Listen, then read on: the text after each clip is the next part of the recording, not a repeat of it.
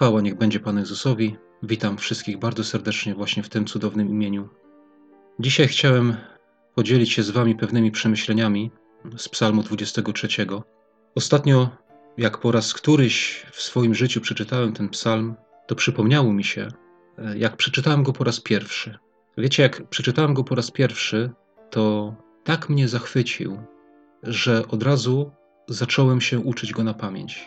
I jak spotkałem drugiego brata wierzącego, to od razu mówiłem, jaki piękny ten psalm, jakie wspaniałe słowa. Wiecie, ja może nie rozumiałem jakoś głębiej znaczenia tych słów, które tam są, ale wiedziałem, że, że on się mnie dotyczy. Wiedziałem, że on mówi o mnie, ten psalm, że Pan jest moim pasterzem.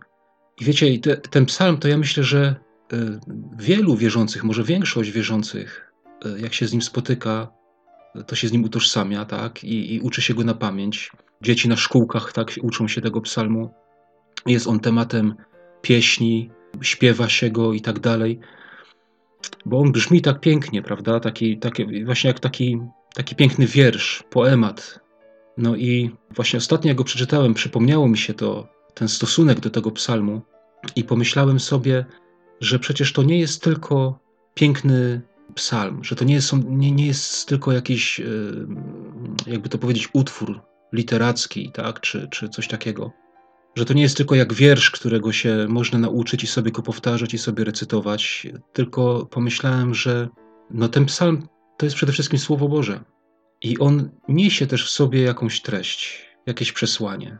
I postanowiłem, nie chcę powiedzieć wprost, że to z natchnienia Bożego Ducha było, ale to po prostu przyszło mi takie coś na myśl, żeby się, żeby się jemu przyjrzeć. I tak w ostatnim czasie przyglądałem się, rozważałem, oczywiście z modlitwą, szukałem sobie w słowniku znaczenia niektórych słów, tak głębiej, po prostu tak bliżej, tak jak jeszcze nigdy wcześniej nie przyglądałem się temu psalmowi.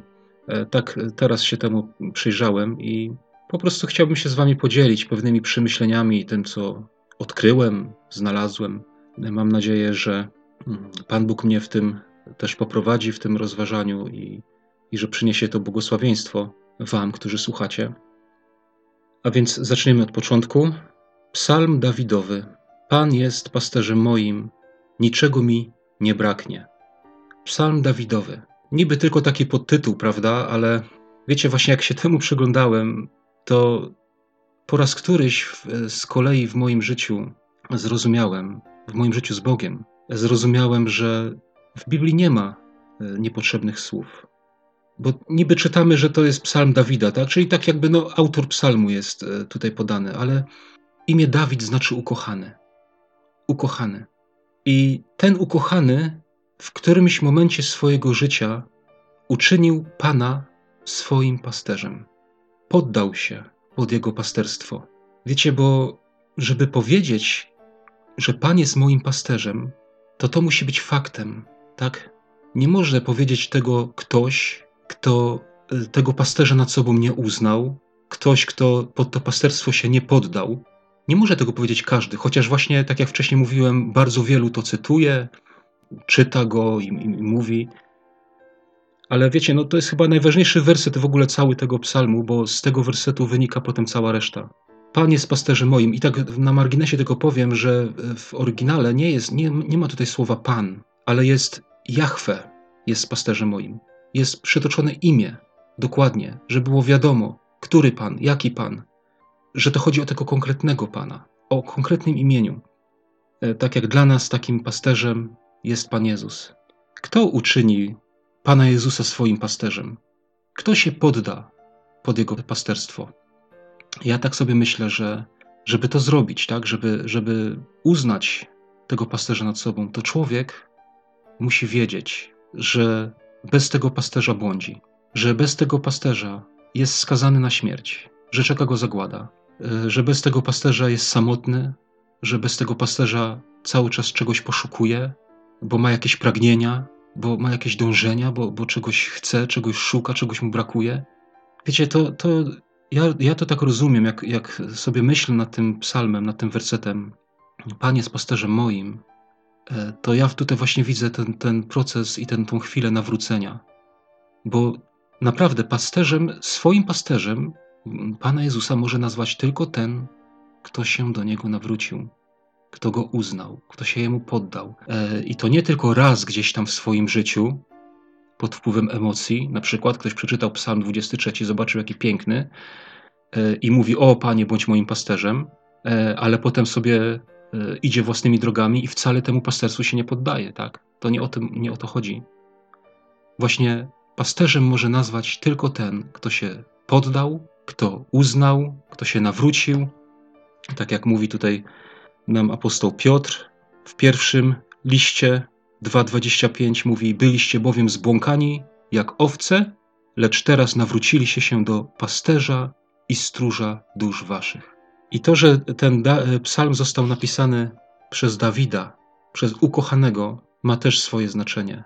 Dlatego, że Biblia nam mówi, albowiem tak Bóg umiłował świat, że syna swego dał, aby każdy, kto w niego wierzy, nie zginął, ale miał życie wieczne.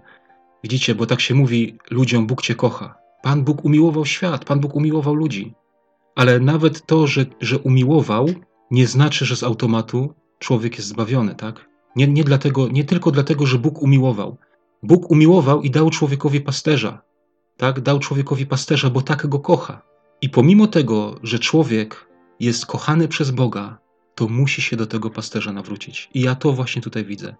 Psalm ukochanego, który zrozumiał tak, że musi się nawrócić do Pana, że musi wejść pod Jego e, rządy, pod Jego władzę, że musi się Jemu poddać. I co tutaj mówi? Panie jest pasterzem moim, niczego mi nie braknie. Inne przykłady mówią, niczego mi nie brakuje. Po prostu już nie musi szukać, tak? Został zaspokojony, został spełniony. Wiecie, ja myślę, że my rozumiemy, że tu jest mowa o duszy, o wewnętrznym człowieku, nie? Bo jako ludzie cieleśni mamy, mamy braki, tak? Nieraz cierpią różne niedostatki e, ludzie wierzący, ale to chodzi o te wewnętrzne.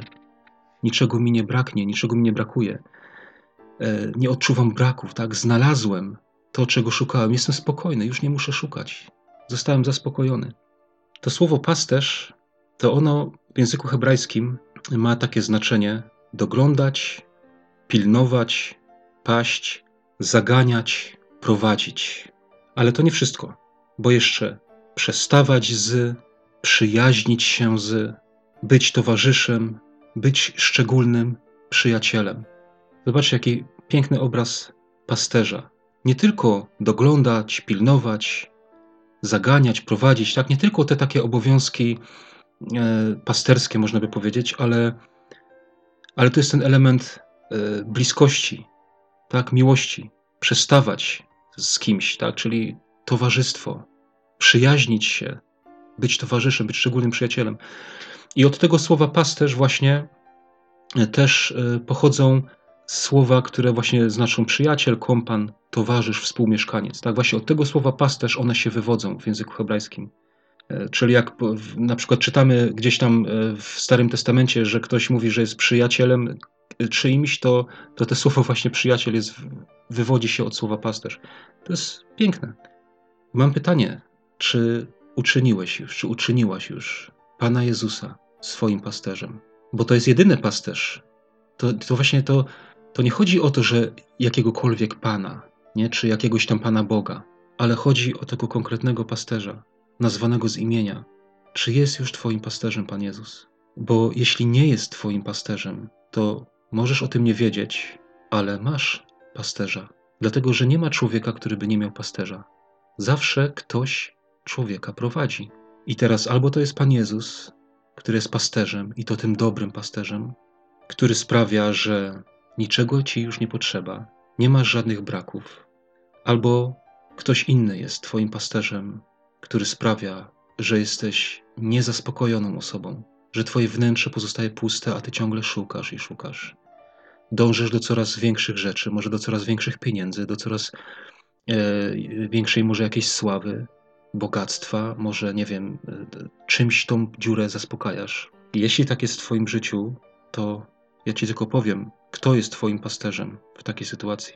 Psalm 49 od 12 wersetu przeczytam. Domy ich są grobami na wieki, mieszkania ich z pokolenia w pokolenie, chociaż imionami swymi nazwali kraje. Czyli zobaczcie, tu jest mowa o jakiejś takiej władzy, nie? o potędze. Nazwali kraje od swoich imion, nie? czyli to, byli, to jest mowa o ludziach, którzy mieli jakąś władzę, bogactwo. Tak? Bo ja nie mogę sobie nazwać jakiegoś kraju swoim imieniem, ale na przykład są ludzie bardzo bogaci, kupi sobie wyspę na przykład i sobie ją nazwie od swojego imienia, albo miasta, albo wsie, albo cokolwiek. I to jest napisane, ale człowiek, choć żyje w przepychu, nie ostoi się. Tu mamy przepych. Dużo ludzi zaspokaja pustkę przepychem. Szuka coraz to więcej, coraz to bardziej, tak? Podobny jest do bydląt, które giną. Taka to jest droga tych, którzy żyją w błędnej pewności siebie, i taki koniec tych, którym własna mowa się podoba. I teraz, werset 15. Pędzą jak owce do otchłani, śmierć jest pasterzem ich. Widzisz, jak twój pasterz pcha ciebie i prowadzi ciebie, tak, i przewodzi cię do tego, żeby szukać władzy, żeby szukać bogactwa, żeby szukać e, sławy i tak dalej, i tak dalej. Może jakąś karierę, i to się staje celem Twojego życia, i wciąż tego szukasz i do tego dążysz, i ciągle ci mało, i ciągle ci mało, ciągle masz brak, to Twoim pasterzem nie jest Pan. I tu chcę powiedzieć, że w tym miejscu, że śmierć jest ich pasterzem, jest użyte dokładnie to samo słowo, gdzie jest powiedziane, że Pan jest moim pasterzem. Dokładnie ten sam pasterz.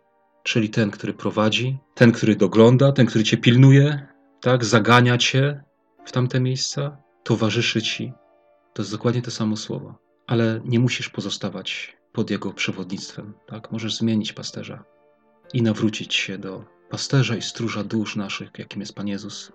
E, chcę jeszcze powiedzieć, że to słowo, które tutaj y, czytałem, że nie brak mi niczego, tak? Bo Pan jest moim pasterzem, nie brak mi niczego, to ja jak o tym myślałem, to jeszcze mi przyszło na myśl takie drugie, tak jakby w takim drugim znaczeniu, że nie tylko to, że już jestem spełniony w jakimś sensie, tak, że, że już nie muszę poszukiwać, że już nie muszę za niczym gonić. Wiecie, ja, ja wam to mówię tak jakby z mojego własnego doświadczenia, bo to się stało w moim życiu. Nie? To, nie, to nie jest jakaś bajka, którą, ja opowiadam tak sobie, żeby tutaj, e, e, nie wiem, omówić Psalm 23, ale ja mówię o swoim doświadczeniu. Wiecie, dopóki ja nie poznałem Pana Jezusa, to też szukałem cały czas. Czego szukałem? Pieniędzy, szukałem wyglądu, e, szukałem tego, żeby dominować gdzieś nad innymi, szukałem tego, żeby być chwalonym, żeby dobrze wyglądać w oczach innych. To nieraz się wiązało z obłudą, jakąś hipokryzją, zakładaniem masek i tak dalej.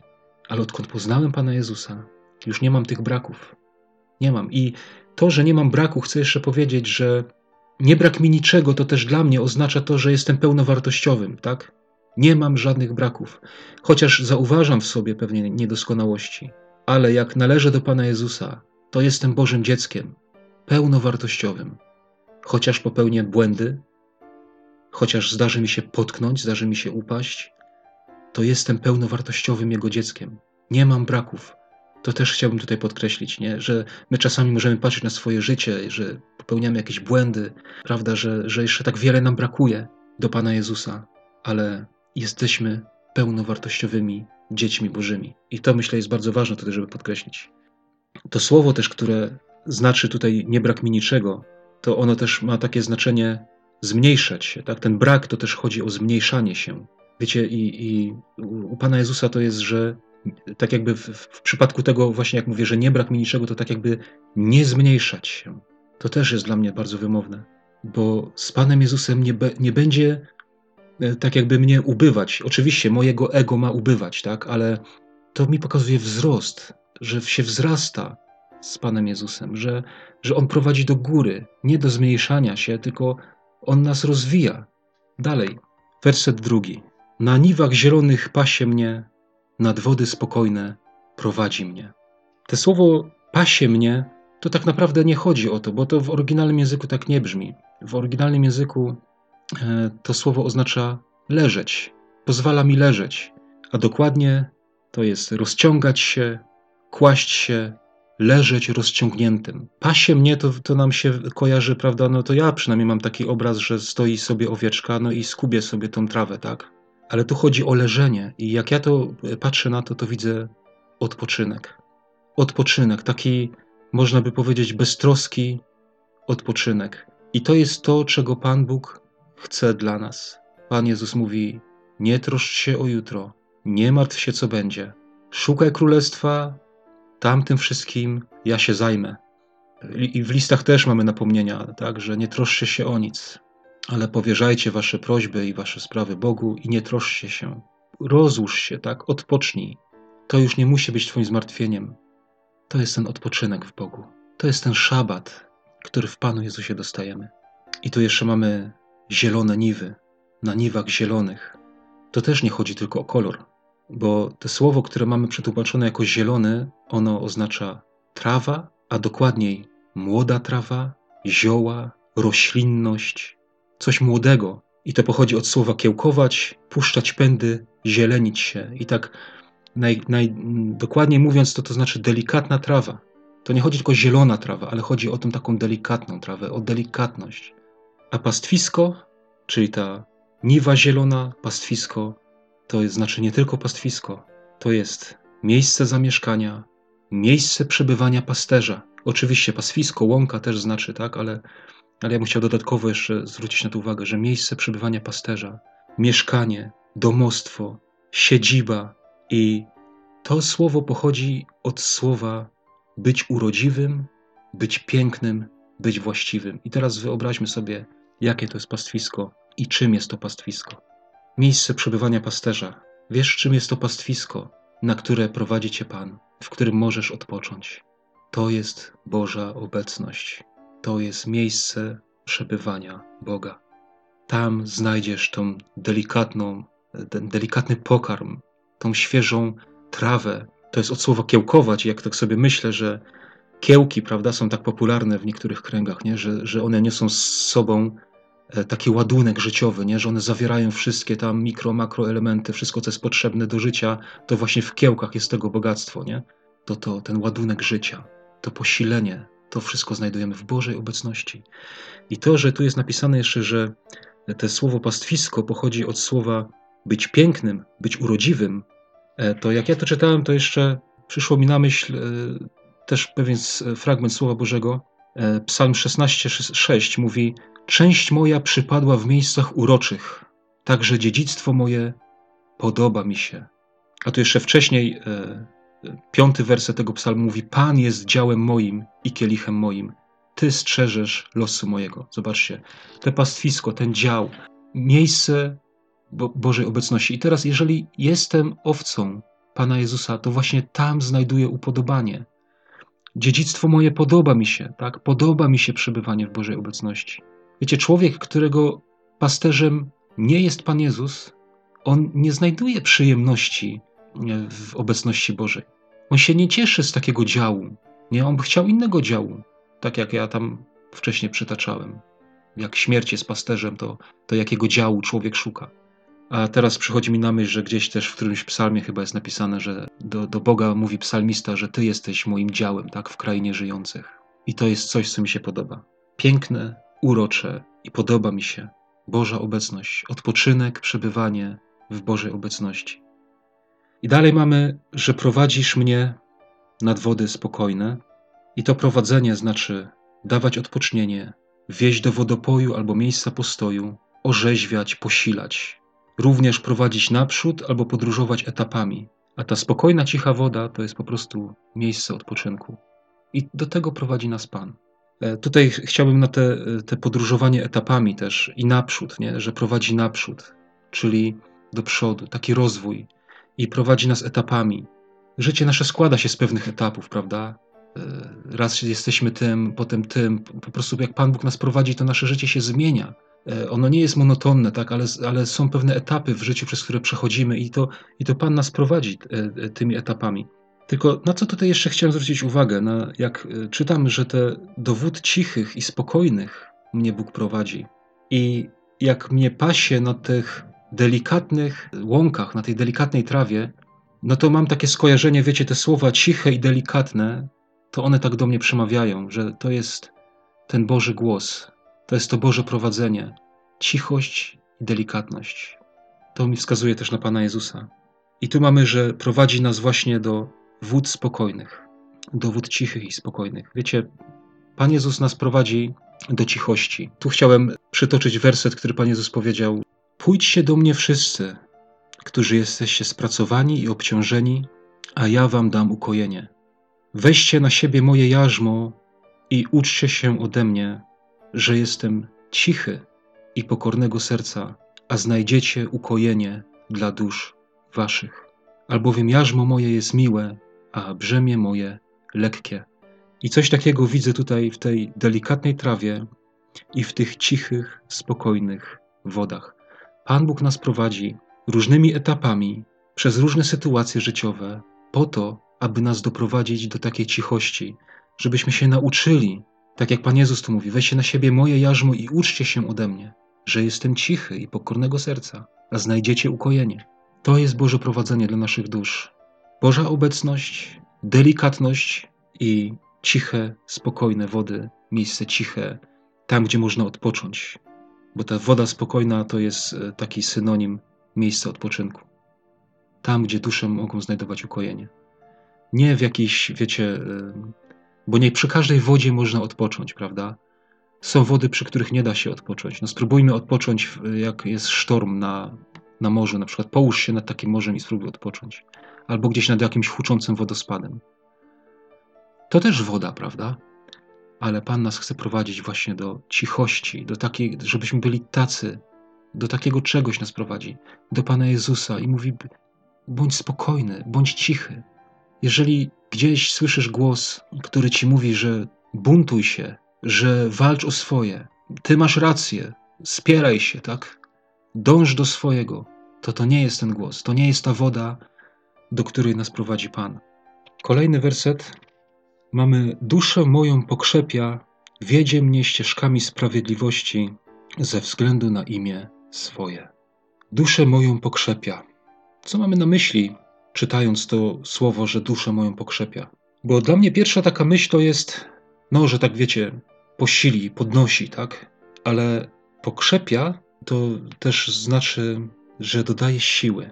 I jak przyjrzałem się temu e, słowu właśnie, które jest tu przetłumaczone jako pokrzepia, to ono ma takie znaczenie wracać, zawracać, odwracać się, przyprowadzać, przynosić z powrotem, odwodzić, odstępować, przywracać, odnawiać, odświeżać, naprawiać metaforycznie. Ja mam nadzieję, że nie znudzę Was tymi takimi porównaniami, które czytam e, i znaczeniami tych słów, ale właśnie przez to, że przyglądałem się temu dokładnie, bo chciałem wiedzieć, o czym dokładniej tutaj e, mówi ten psalm, to właśnie dlatego zacząłem szukać, że kopać głębiej gdzieś w tych słowach, w tych znaczeniach i mam nadzieję, że właśnie, że tym nie, nie, nie zrazicie się, bo to, to mi po prostu otworzyło bardziej oczy, tak? Bo kiedyś jak czytałem Duszę moją posila na przykład, nie? bo zależy jaki psalm, y, jaki, znaczy, jaki przekład, to to jest inaczej użyte, nie? że Duszę moją posila, Duszę moją pokrzepia i wiecie, w pierwsze moje takie skojarzenie to było zawsze, no dostaję jeść, tak? Jeść, no bo idę się posilić, pokrzepić, jak to się mówi, nie? I dostaję jeść, ale zobaczcie, że to słowo pokrzepia, ono w swoim znaczeniu oryginalnym, ono nie ma nic wspólnego tak jakby z jedzeniem, a raczej z nawracaniem, odwodzeniem od czegoś, albo zawracaniem, tak? Odwracać się, Czyli od jednego nas Pan Bóg odwraca, a do czegoś innego nas przyprowadza. Bo takie znaczenia w tym słowie ja tutaj widzę. Wracać, zawracać, odwracać się, przyprowadzać, przynosić z powrotem, odwodzić, odstępować, przywracać, odnawiać, odświeżać, naprawiać. To Pan Bóg robi z naszą duszą. To nie chodzi tylko o to, że On nas karmi tak swoim słowem, ale to właśnie chodzi o coś takiego, że to jest pewien coś, co się dzieje w naszym życiu. Słuchajcie, jak Pan jest naszym pasterzem, to coś się musi dziać. I, i musi się dziać właśnie to, co jest napisane w liście do Efezjan przez apostoła Pawła. Jak on napisał, umacniajcie się w Panu i w potężnej mocy Jego. To ja coś takiego widzę tutaj, w tym pokrzepia. Duszę moją pokrzepia. W taki właśnie sposób. Tak jak, słuchajcie, tak jak e, mam tutaj obraz małego dziecka. Ono też się pokrzepia i nie mam teraz na myśli tutaj tego jedzenia, tak, bo ono często je takie dziecko, ale nie takie pokrzepienie mam na myśli, ale takie, że zobaczcie, jak jest dziecko małe, to na początku może tylko leżeć, ale co, co ono potem robi? Ono potem e, odwraca się na brzuszek, zaczyna podnosić głowę, zaczyna się tak opierać na rączkach, tak, i podnosić tułów. Wiecie, co wtedy się dzieje, jak dziecko takie coś robi? Umacniają się jego mięśnie. To są jego ćwiczenia.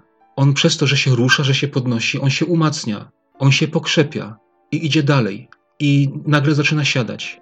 a potem zaczyna raczkować, a potem zaczyna się podnosić, tak? Potem ktoś go trzyma na rączkach, na rękach, a on pręży nóżki, bo chce wstać, nie? To wszystko są ćwiczenia, to wszystko jest pokrzepianie.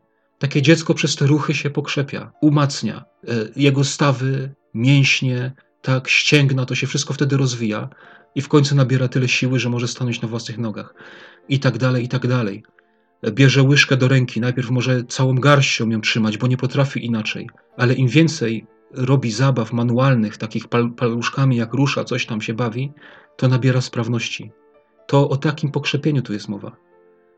Duszę moją pokrzepia jak? Ano prowadzi mnie ścieżkami sprawiedliwości. Tak nas Pan Bóg pokrzepia. Od jednego nas odwodzi, pokazując nam swoje drogi, od jednego nas odwodzi, a do czegoś innego nas prowadzi. Tak, od jednego nas odwraca, a do czegoś innego nas przywraca. I to jest proces. I to się musi dziać w naszym życiu, jeśli Pan jest naszym pasterzem. To słowo tutaj, że prowadzi e, mnie ścieżkami sprawiedliwości, czy w tym przykładzie akurat jest wiedzie mnie ścieżkami sprawiedliwości, to jest inne słowo niż to, które nas prowadzi nad wody spokojne. To nie jest to samo prowadzenie, to jest inne słowo w języku hebrajskim. Tamto słowo prowadzi, ono raczej miało znaczenie w, w takie jak odpoczynek, nie? Tak jak czytałem, prowadzi nas etapami, prowadzi nas do miejsca odpoczynku, tak? E, prowadzi nas do wodopoju, to w takim znaczeniu. Natomiast tutaj e, prowadzi nas e, w takim właśnie przewodnikiem, że pokazuje nam, jak mamy iść, wskazuje nam drogę, tak? Bo tak jak to jest napisane, wiedzie mnie ścieżkami sprawiedliwości. Pokazuje mi drogę sprawiedliwości, idąc tą drogą, wybierając tą drogę odwracając się od jednego, a przyjmując drugie, moja dusza pokrzepia się, umacnia się w Bogu, staje się silniejszy, mocniejszy w Panu. I o czymś takim tu jest mowa. I tu chciałem jeszcze zwrócić uwagę na słowo to prowadzi mnie. Zobaczcie, Jana w dziesiątym rozdziale Pan Jezus powiedział Zaprawdę, zaprawdę powiadam wam, kto nie wchodzi przez drzwi do owczarni, lecz w inny sposób się tam dostaje, ten jest złodziejem i zbójcą. Kto zaś wchodzi przez drzwi, jest pasterzem owiec. Temu odźwierny otwiera i owce słuchają jego głosu. I po imieniu woła owce swoje i wyprowadza je. Gdy wszystkie swoje wypuści, idzie przed nimi, owce zaś idą za nim, gdyż znają jego głos. I chciałem też na to jeszcze zwrócić uwagę, że prowadzi to też znaczy jest tym przewodnikiem. On idzie, a one idą za nim na dźwięk jego głosu czyli słuchają Jego słowa, słuchają Jego głosu i idą za Nim dobrowolnie. Wiecie, w, w chrześcijaństwie nie, nie może być mowy, tak, że jak ktoś jest owcą Pana Jezusa, to nie może być mowy o tym, że tą owcę się zmusza do tego, żeby ona szła za Panem. Nie, jak jest owcą Pana Jezusa, to ona idzie za Nim. Ona zna Jego głos i ona za Nim podąża. Ona uczyniła Go swoim pasterzem, tak, jest jej pasterzem. I ona za Nim idzie dobrowolnie, bez przymusu. Prowadzi, nie zmusza, a za obcym nie idzie. Jak słyszy głos, który zmusza ją, chce i namawia, żeby uczyniła inaczej niż mówi jej pasterz, to ona za tym głosem nie idzie. Ona rozeznaje, ona mówi: Nie, to nie jest głos mojego pasterza. Mój pan mówi: Przebacz. Mój pasterz mówi: Odpuść. I ja za tym głosem idę, bo jestem owcą pana Jezusa. Słuchajcie, i tak jak wcześniej powiedziałem, ten psalm to nie jest tylko wierszyk, który sobie recytujemy, bo, bo on przyjemnie brzmi, bo jest taki piękny, ale jeżeli Pan jest naszym pasterzem, to właśnie takie rzeczy muszą się dziać w naszym życiu. Czujemy się pełnowartościowi, niczego nam nie brakuje, nie musimy gonić za niczym. Znajdujemy odpoczynek w Bożej obecności, cieszymy się tą obecnością, sprawia nam ona przyjemność i nam się podoba. Uczymy się tej cichości, delikatności, takiej Bożej, tak jak Duch Święty do nas przychodzi w sposób łagodny, cichy i delikatny. I tu mam na myśli skojarzenie z Eliaszem, prawda, jak był na tej górze e, i mówi, że przeszedł ogień, ogromny wicher, trzęsienia ziemi, ale nie było w tym Pana. A jak to wszystko przeszło, to poczuł świeży, taki delikatny, łagodny powiew i tam był Bóg. To są te miejsca, do których nas, nas Pan prowadzi. To się musi dziać w naszym życiu. I ta przemiana, to pokrzepianie naszej duszy, ta przemiana wewnętrzna, ona musi się odbywać. I tutaj jest napisane ze względu na imię swoje. Tak, bo jak Pan jest naszym pasterzem, jak my nazywamy go swoim Panem, Jezus, to też to imię musi się w naszym życiu przejawiać, ono musi być widoczne. Jak przyglądałem się tak temu psalmowi, to zauważyłem taką rzecz, że on składa się tak jakby z dwóch części. On ma sześć wersetów tylko, ale ja tak patrząc na niego, to widzę, że te trzy pierwsze wersety mówią o takim wewnętrznym e, życiu, a kolejne trzy tak bardziej na zewnątrz. Czwarty werset mówi: Choćbym nawet szedł ciemną doliną, zła się nie ulęknę, boś ty ze mną. Laska twoja i kij twój mnie pocieszają. Widzicie, i to dlatego tak powiedziałem, że tego co zewnętrzne, bo to już pokazuje, że idziemy ciemną doliną. Wiecie, co to jest ciemna dolina? W innych przekładach jest to nazwane Doliną Cienia Śmierci. I tak to bardziej w oryginale brzmi. Dolina Cienia Śmierci to dokładnie to znaczy. No, cień śmierci, głęboki cień albo głęboka ciemność. Tak? To jest ta dolina ciemna. I co to jest ta ciemna dolina? Choćbym nawet szedł ciemną doliną. Ja, ja myślę, że to mm, tłumaczenie tutaj tej Biblii brytyjskiej nie jest e, takie całkiem trafione, chociaż ja nie jestem jakimś ekspertem, ale taki wyprowadzam wniosek, bo on mówi, że choćbym nawet szedł ciemną doliną, czyli mogę iść, a nie muszę iść tą ciemną doliną, tak? Choćbym nawet, no niechby się coś przydarzyło, to, to ja się nie, nie będę bał, tak? Nie będę się, nie ulęknę się złego.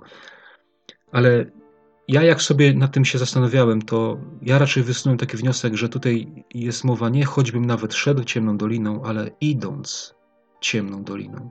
Tak ja bym to rozumiał, idąc doliną cienia śmierci, bo w moim zrozumieniu ta dolina cienia śmierci to jest ten świat. To on jest pogrążony w mroku i w cieniu śmierci. Tak, nad tym światem panuje śmierć. Bo cień śmierci, wiecie, wiecie co to znaczy cień? Cień to też znaczy ochrona albo ulotność życia. Ktoś nad kim się roztacza cień, prawda? Czyli opiekuje się tak jakby. I wiecie, i nad tym światem jest rozciągnięty taki cień śmierci. Tak ja to widzę. Świat umarłych, śmierć, umieranie. Cień śmierci jest rozciągnięty nad tym światem. Jak ktoś nie należy do Pana Jezusa, to właśnie tej śmierci podlega. No i dlatego ja to tak widzę. I idąc tą doliną cienia śmierci, nie musimy się bać zła, bo Pan jest z nami. I to jest, to jest niesamowite, bo niebo jest w nas, ta Boża obecność jest w nas. Tak jak te trzy właśnie wersety pierwsze mówiłem, na to wskazują, na to wewnętrzne nasze życie, a to już jesteśmy na zewnątrz, tak? Już jesteśmy w ta dolina cienia śmierci. Zło, które jest wokół. Proroctwo, prawda, takie mówi, że lud pogrążony w ciemności ujrzy światłość wielką.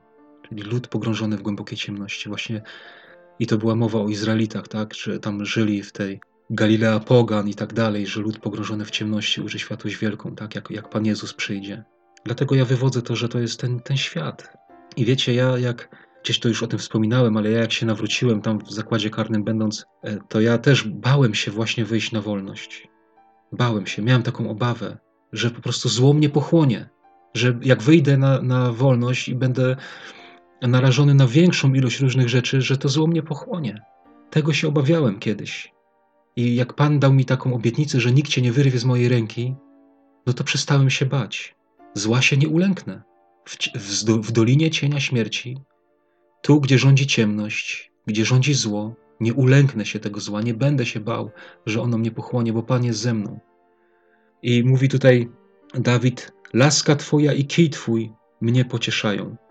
I wiecie, ja jak się tak przyglądałem pasterzowi, to ja zawsze widziałem, że pasterz ma jedną, jedną rzecz z sobą, nie? Bo tu jest mowa laska i kij, tak jakby miał dwie rzeczy, ale ja tak jak się temu przyglądałem, to ja rozumiem, że to jest, to jest jedna rzecz to, że to chodzi o jedną rzecz, e, ale użytą w dwojaki sposób. Laska Twoja i kij Twój mnie pocieszają. Laska. Laska znaczy po prostu podpora, laska. A kij, który tu jest użyte słowo kij, to jest drąg, rózga, kij, gałąź, odroś, pałka, maczuga, buława, berło jako symbol władzy. To znaczy kij. A mnie pocieszają, tak jak tu pisze, to te słowo pociesza to też tak nie jest, nie jest takie jednoznaczne, że pociesza, ale ono też przepraszać, kajać się, żałować, pocieszać i odczuć ulgę. Zobaczcie, dwojakie znaczenie słowa, jednego słowa i dwojakie znaczenie kija i laski. Jak ja to widzę, że ten sam pasterz tym samym narzędziem może nas podnosić, a może nas też napominać. I tak jak jest powiedziane, że Bóg wychowuje i karci każdego syna, którego przyjmuje. Nie lekceważ karania pańskiego, prawda? Bo Bóg chłoszcze tam i karci każdego syna, którego przyjmuje. Inaczej znaczyłoby, że jesteśmy dziećmi złoża nieprawego. I jest ten element wychowawczy Boży, który dzieje się właśnie z nami w tym ciemnym świecie, w tej dolinie cienia śmierci. Ale nie musimy się bać. Laska Twoja i kij Twój mnie pocieszają. Z jednej strony, tym samym narzędziem może nas Pan Bóg podnieść. Na przykład, powiedzmy, choroba. Raz może to być jakiś element wychowawczy, tak? jakiś, jakiś element karania pańskiego, albo jakieś doświadczenie, a raz może być to coś, co nas podnosi i zbliża do Boga.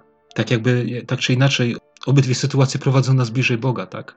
I tak jak tutaj te y, słowo mnie pociesza ma dwojakie znaczenie, bo ma pocieszenie i ulgę, ale ma też przepraszać i kajać się i żałować.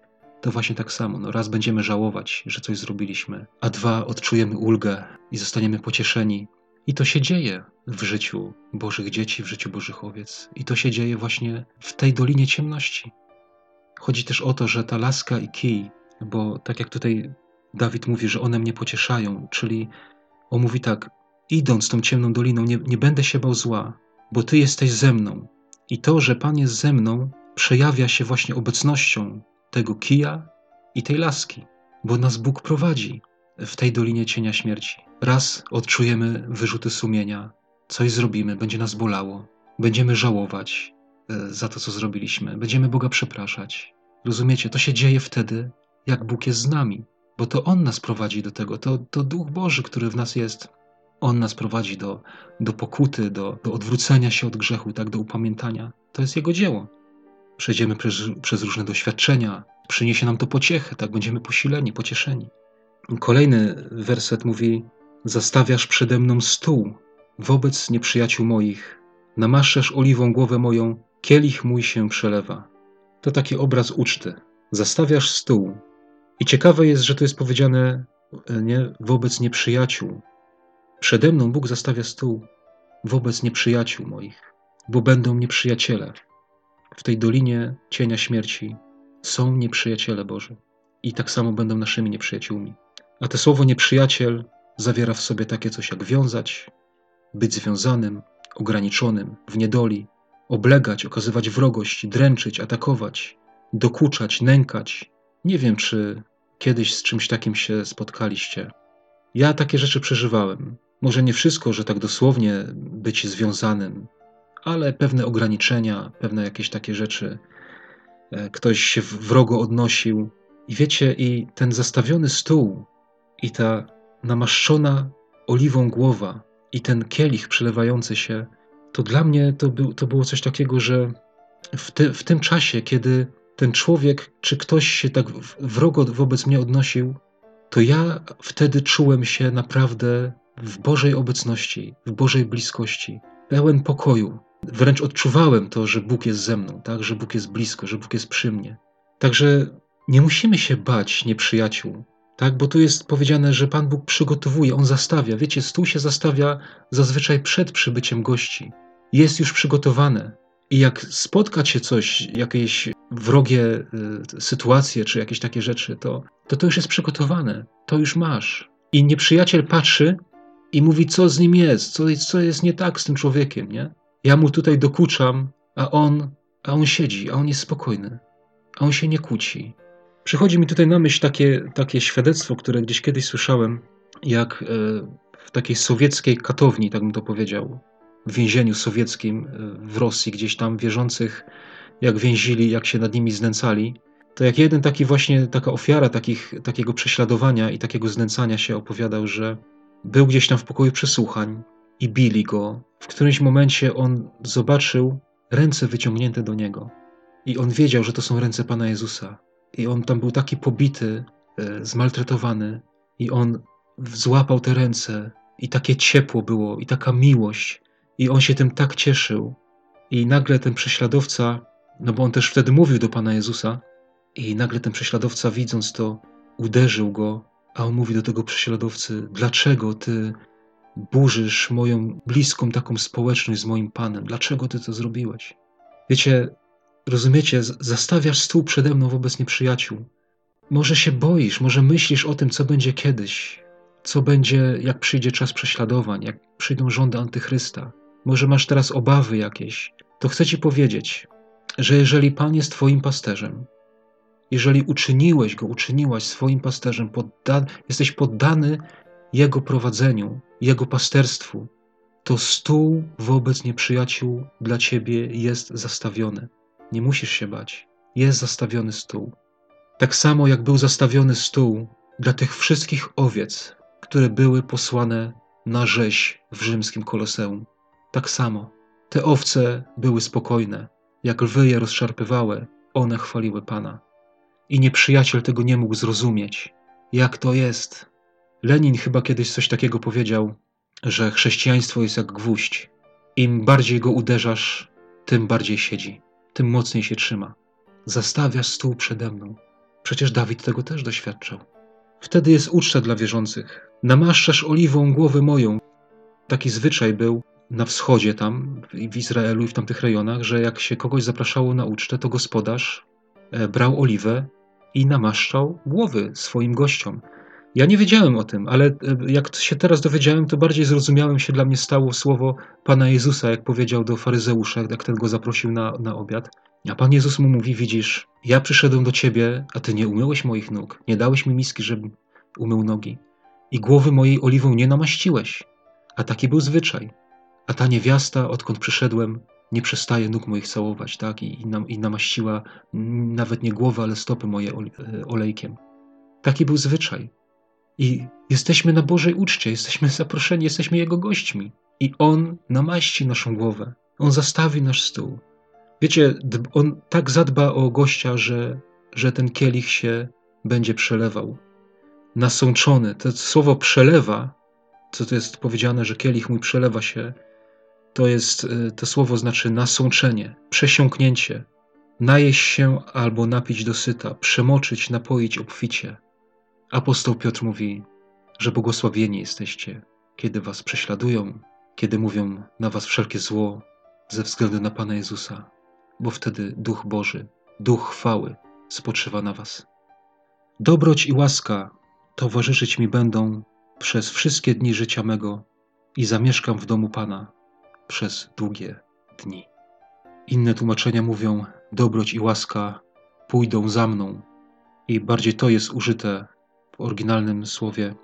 A pójdą za mną, to znaczy tak, iść za, ścigać, prześladować, biec za, gonić, dręczyć, pilnie śledzić. Ciekawe znaczenie tego słowa, ale dla mnie to jest niesamowite. Kiedy wszystko będzie tak, jak to wyżej przytoczyłem w tych, w tych pięciu wersetach, kiedy nasz wewnętrzny człowiek będzie w takim stanie, jak tutaj jest mowa, i będzie się to przejawiało w naszym zewnętrznym życiu w taki sposób. Zobaczcie, dobroć i łaska będą cię ścigać, będą cię prześladować. Chciałbyś być prześladowany przez dobroć i łaskę? Albo dręczony dobrocią i łaską? Goniony, dobroć i łaska pójdą za mną przez wszystkie dni życia mego. Wiecie, o jakim życiu jest tutaj mowa? To słowo życie, żyjący, żywy, znaczy zielony, płynący, świeży, żywotny, aktywny, pragnienie, żądza, odrodzenie, odnowienie, wspólnota, krewni. To się kryje w słowie dni życia mego. Wiecie, to życie to nie jest wegetacja. To życie, które nam Pan Bóg daje, to nie jest wegetacja. To jest życie świeże, płynące, aktywne, e, cały czas to pragnienie, prawda? Tu jest też to, słowo pragnienie, czyli tak jakby to dążenie do cały czas dalej, nie? że nie zatrzymywanie się e, na tym, co było, czy nie zatrzymywanie się po prostu na tej drodze, ale, ale ja pragnę więcej, ja pragnę więcej. Pa, oczywiście Pana Jezusa, tu jest o tym mowa. Odrodzenie, odnowienie, to jest to, co mówi apostoł Paweł w liście do Rzymian, że chociaż ten zewnętrzny mój człowiek niszczeje, to ten wewnętrzny odradza się z każdym dniem. A dlaczego się odradza? Bo Bóg się nim opiekuje. O takim życiu jest mowa. Odrodzenie, odnowieni, a też wspólnota i krewni. Jak człowiek nie ma kontaktu z innymi, to jest tak jakby martwy. Nie ma wpływu na nikogo. Jest tak jakby umarłym. A to życie, życie prowadzi do wspólnoty, tak? Do, do społeczności z innymi ludźmi. Wnosić coś w życie innych. Jak, jak człowiek jest taki, wiecie, nic, nic nikomu nie wnosi, to też jest tak jakby umarły. To nie jest życie. W jakimś takim odosobnieniu. Nie, to nie o takim życiu tutaj Pan Bóg mówi. Tak, tutaj Dawid mówi, że dobroć i łaska towarzyszyć mi będą przez wszystkie dni życia mego. Właśnie takiego życia. Bo to jest życie, które cechuje Bożą owieczkę. Kogoś, kogo pasterzem jest Pan, Pan Jezus. I kończy się to wszystko, zamieszkam w domu Pana przez długie dni, czyli na wieczność. Będę z Panem na wieczność. Kochani, no życzę każdemu z nas takiego życia, takiego zakończenia. Jeżeli będziemy pozostawać pod opieką tego pasterza, to tak będzie. Innej drogi nie ma. Albo ten pasterz, albo drugi pasterz, który prowadzi na zagładę. Moi drodzy, pozdrawiam bardzo serdecznie. Jeśli macie jakieś sugestie, czy jakieś jak też opinie, czy jakieś przemyślenia, to też będę się cieszył z każdej formy kontaktu. No i to tyle. Na tym kończę. Niech Was Pan błogosławi. Amen.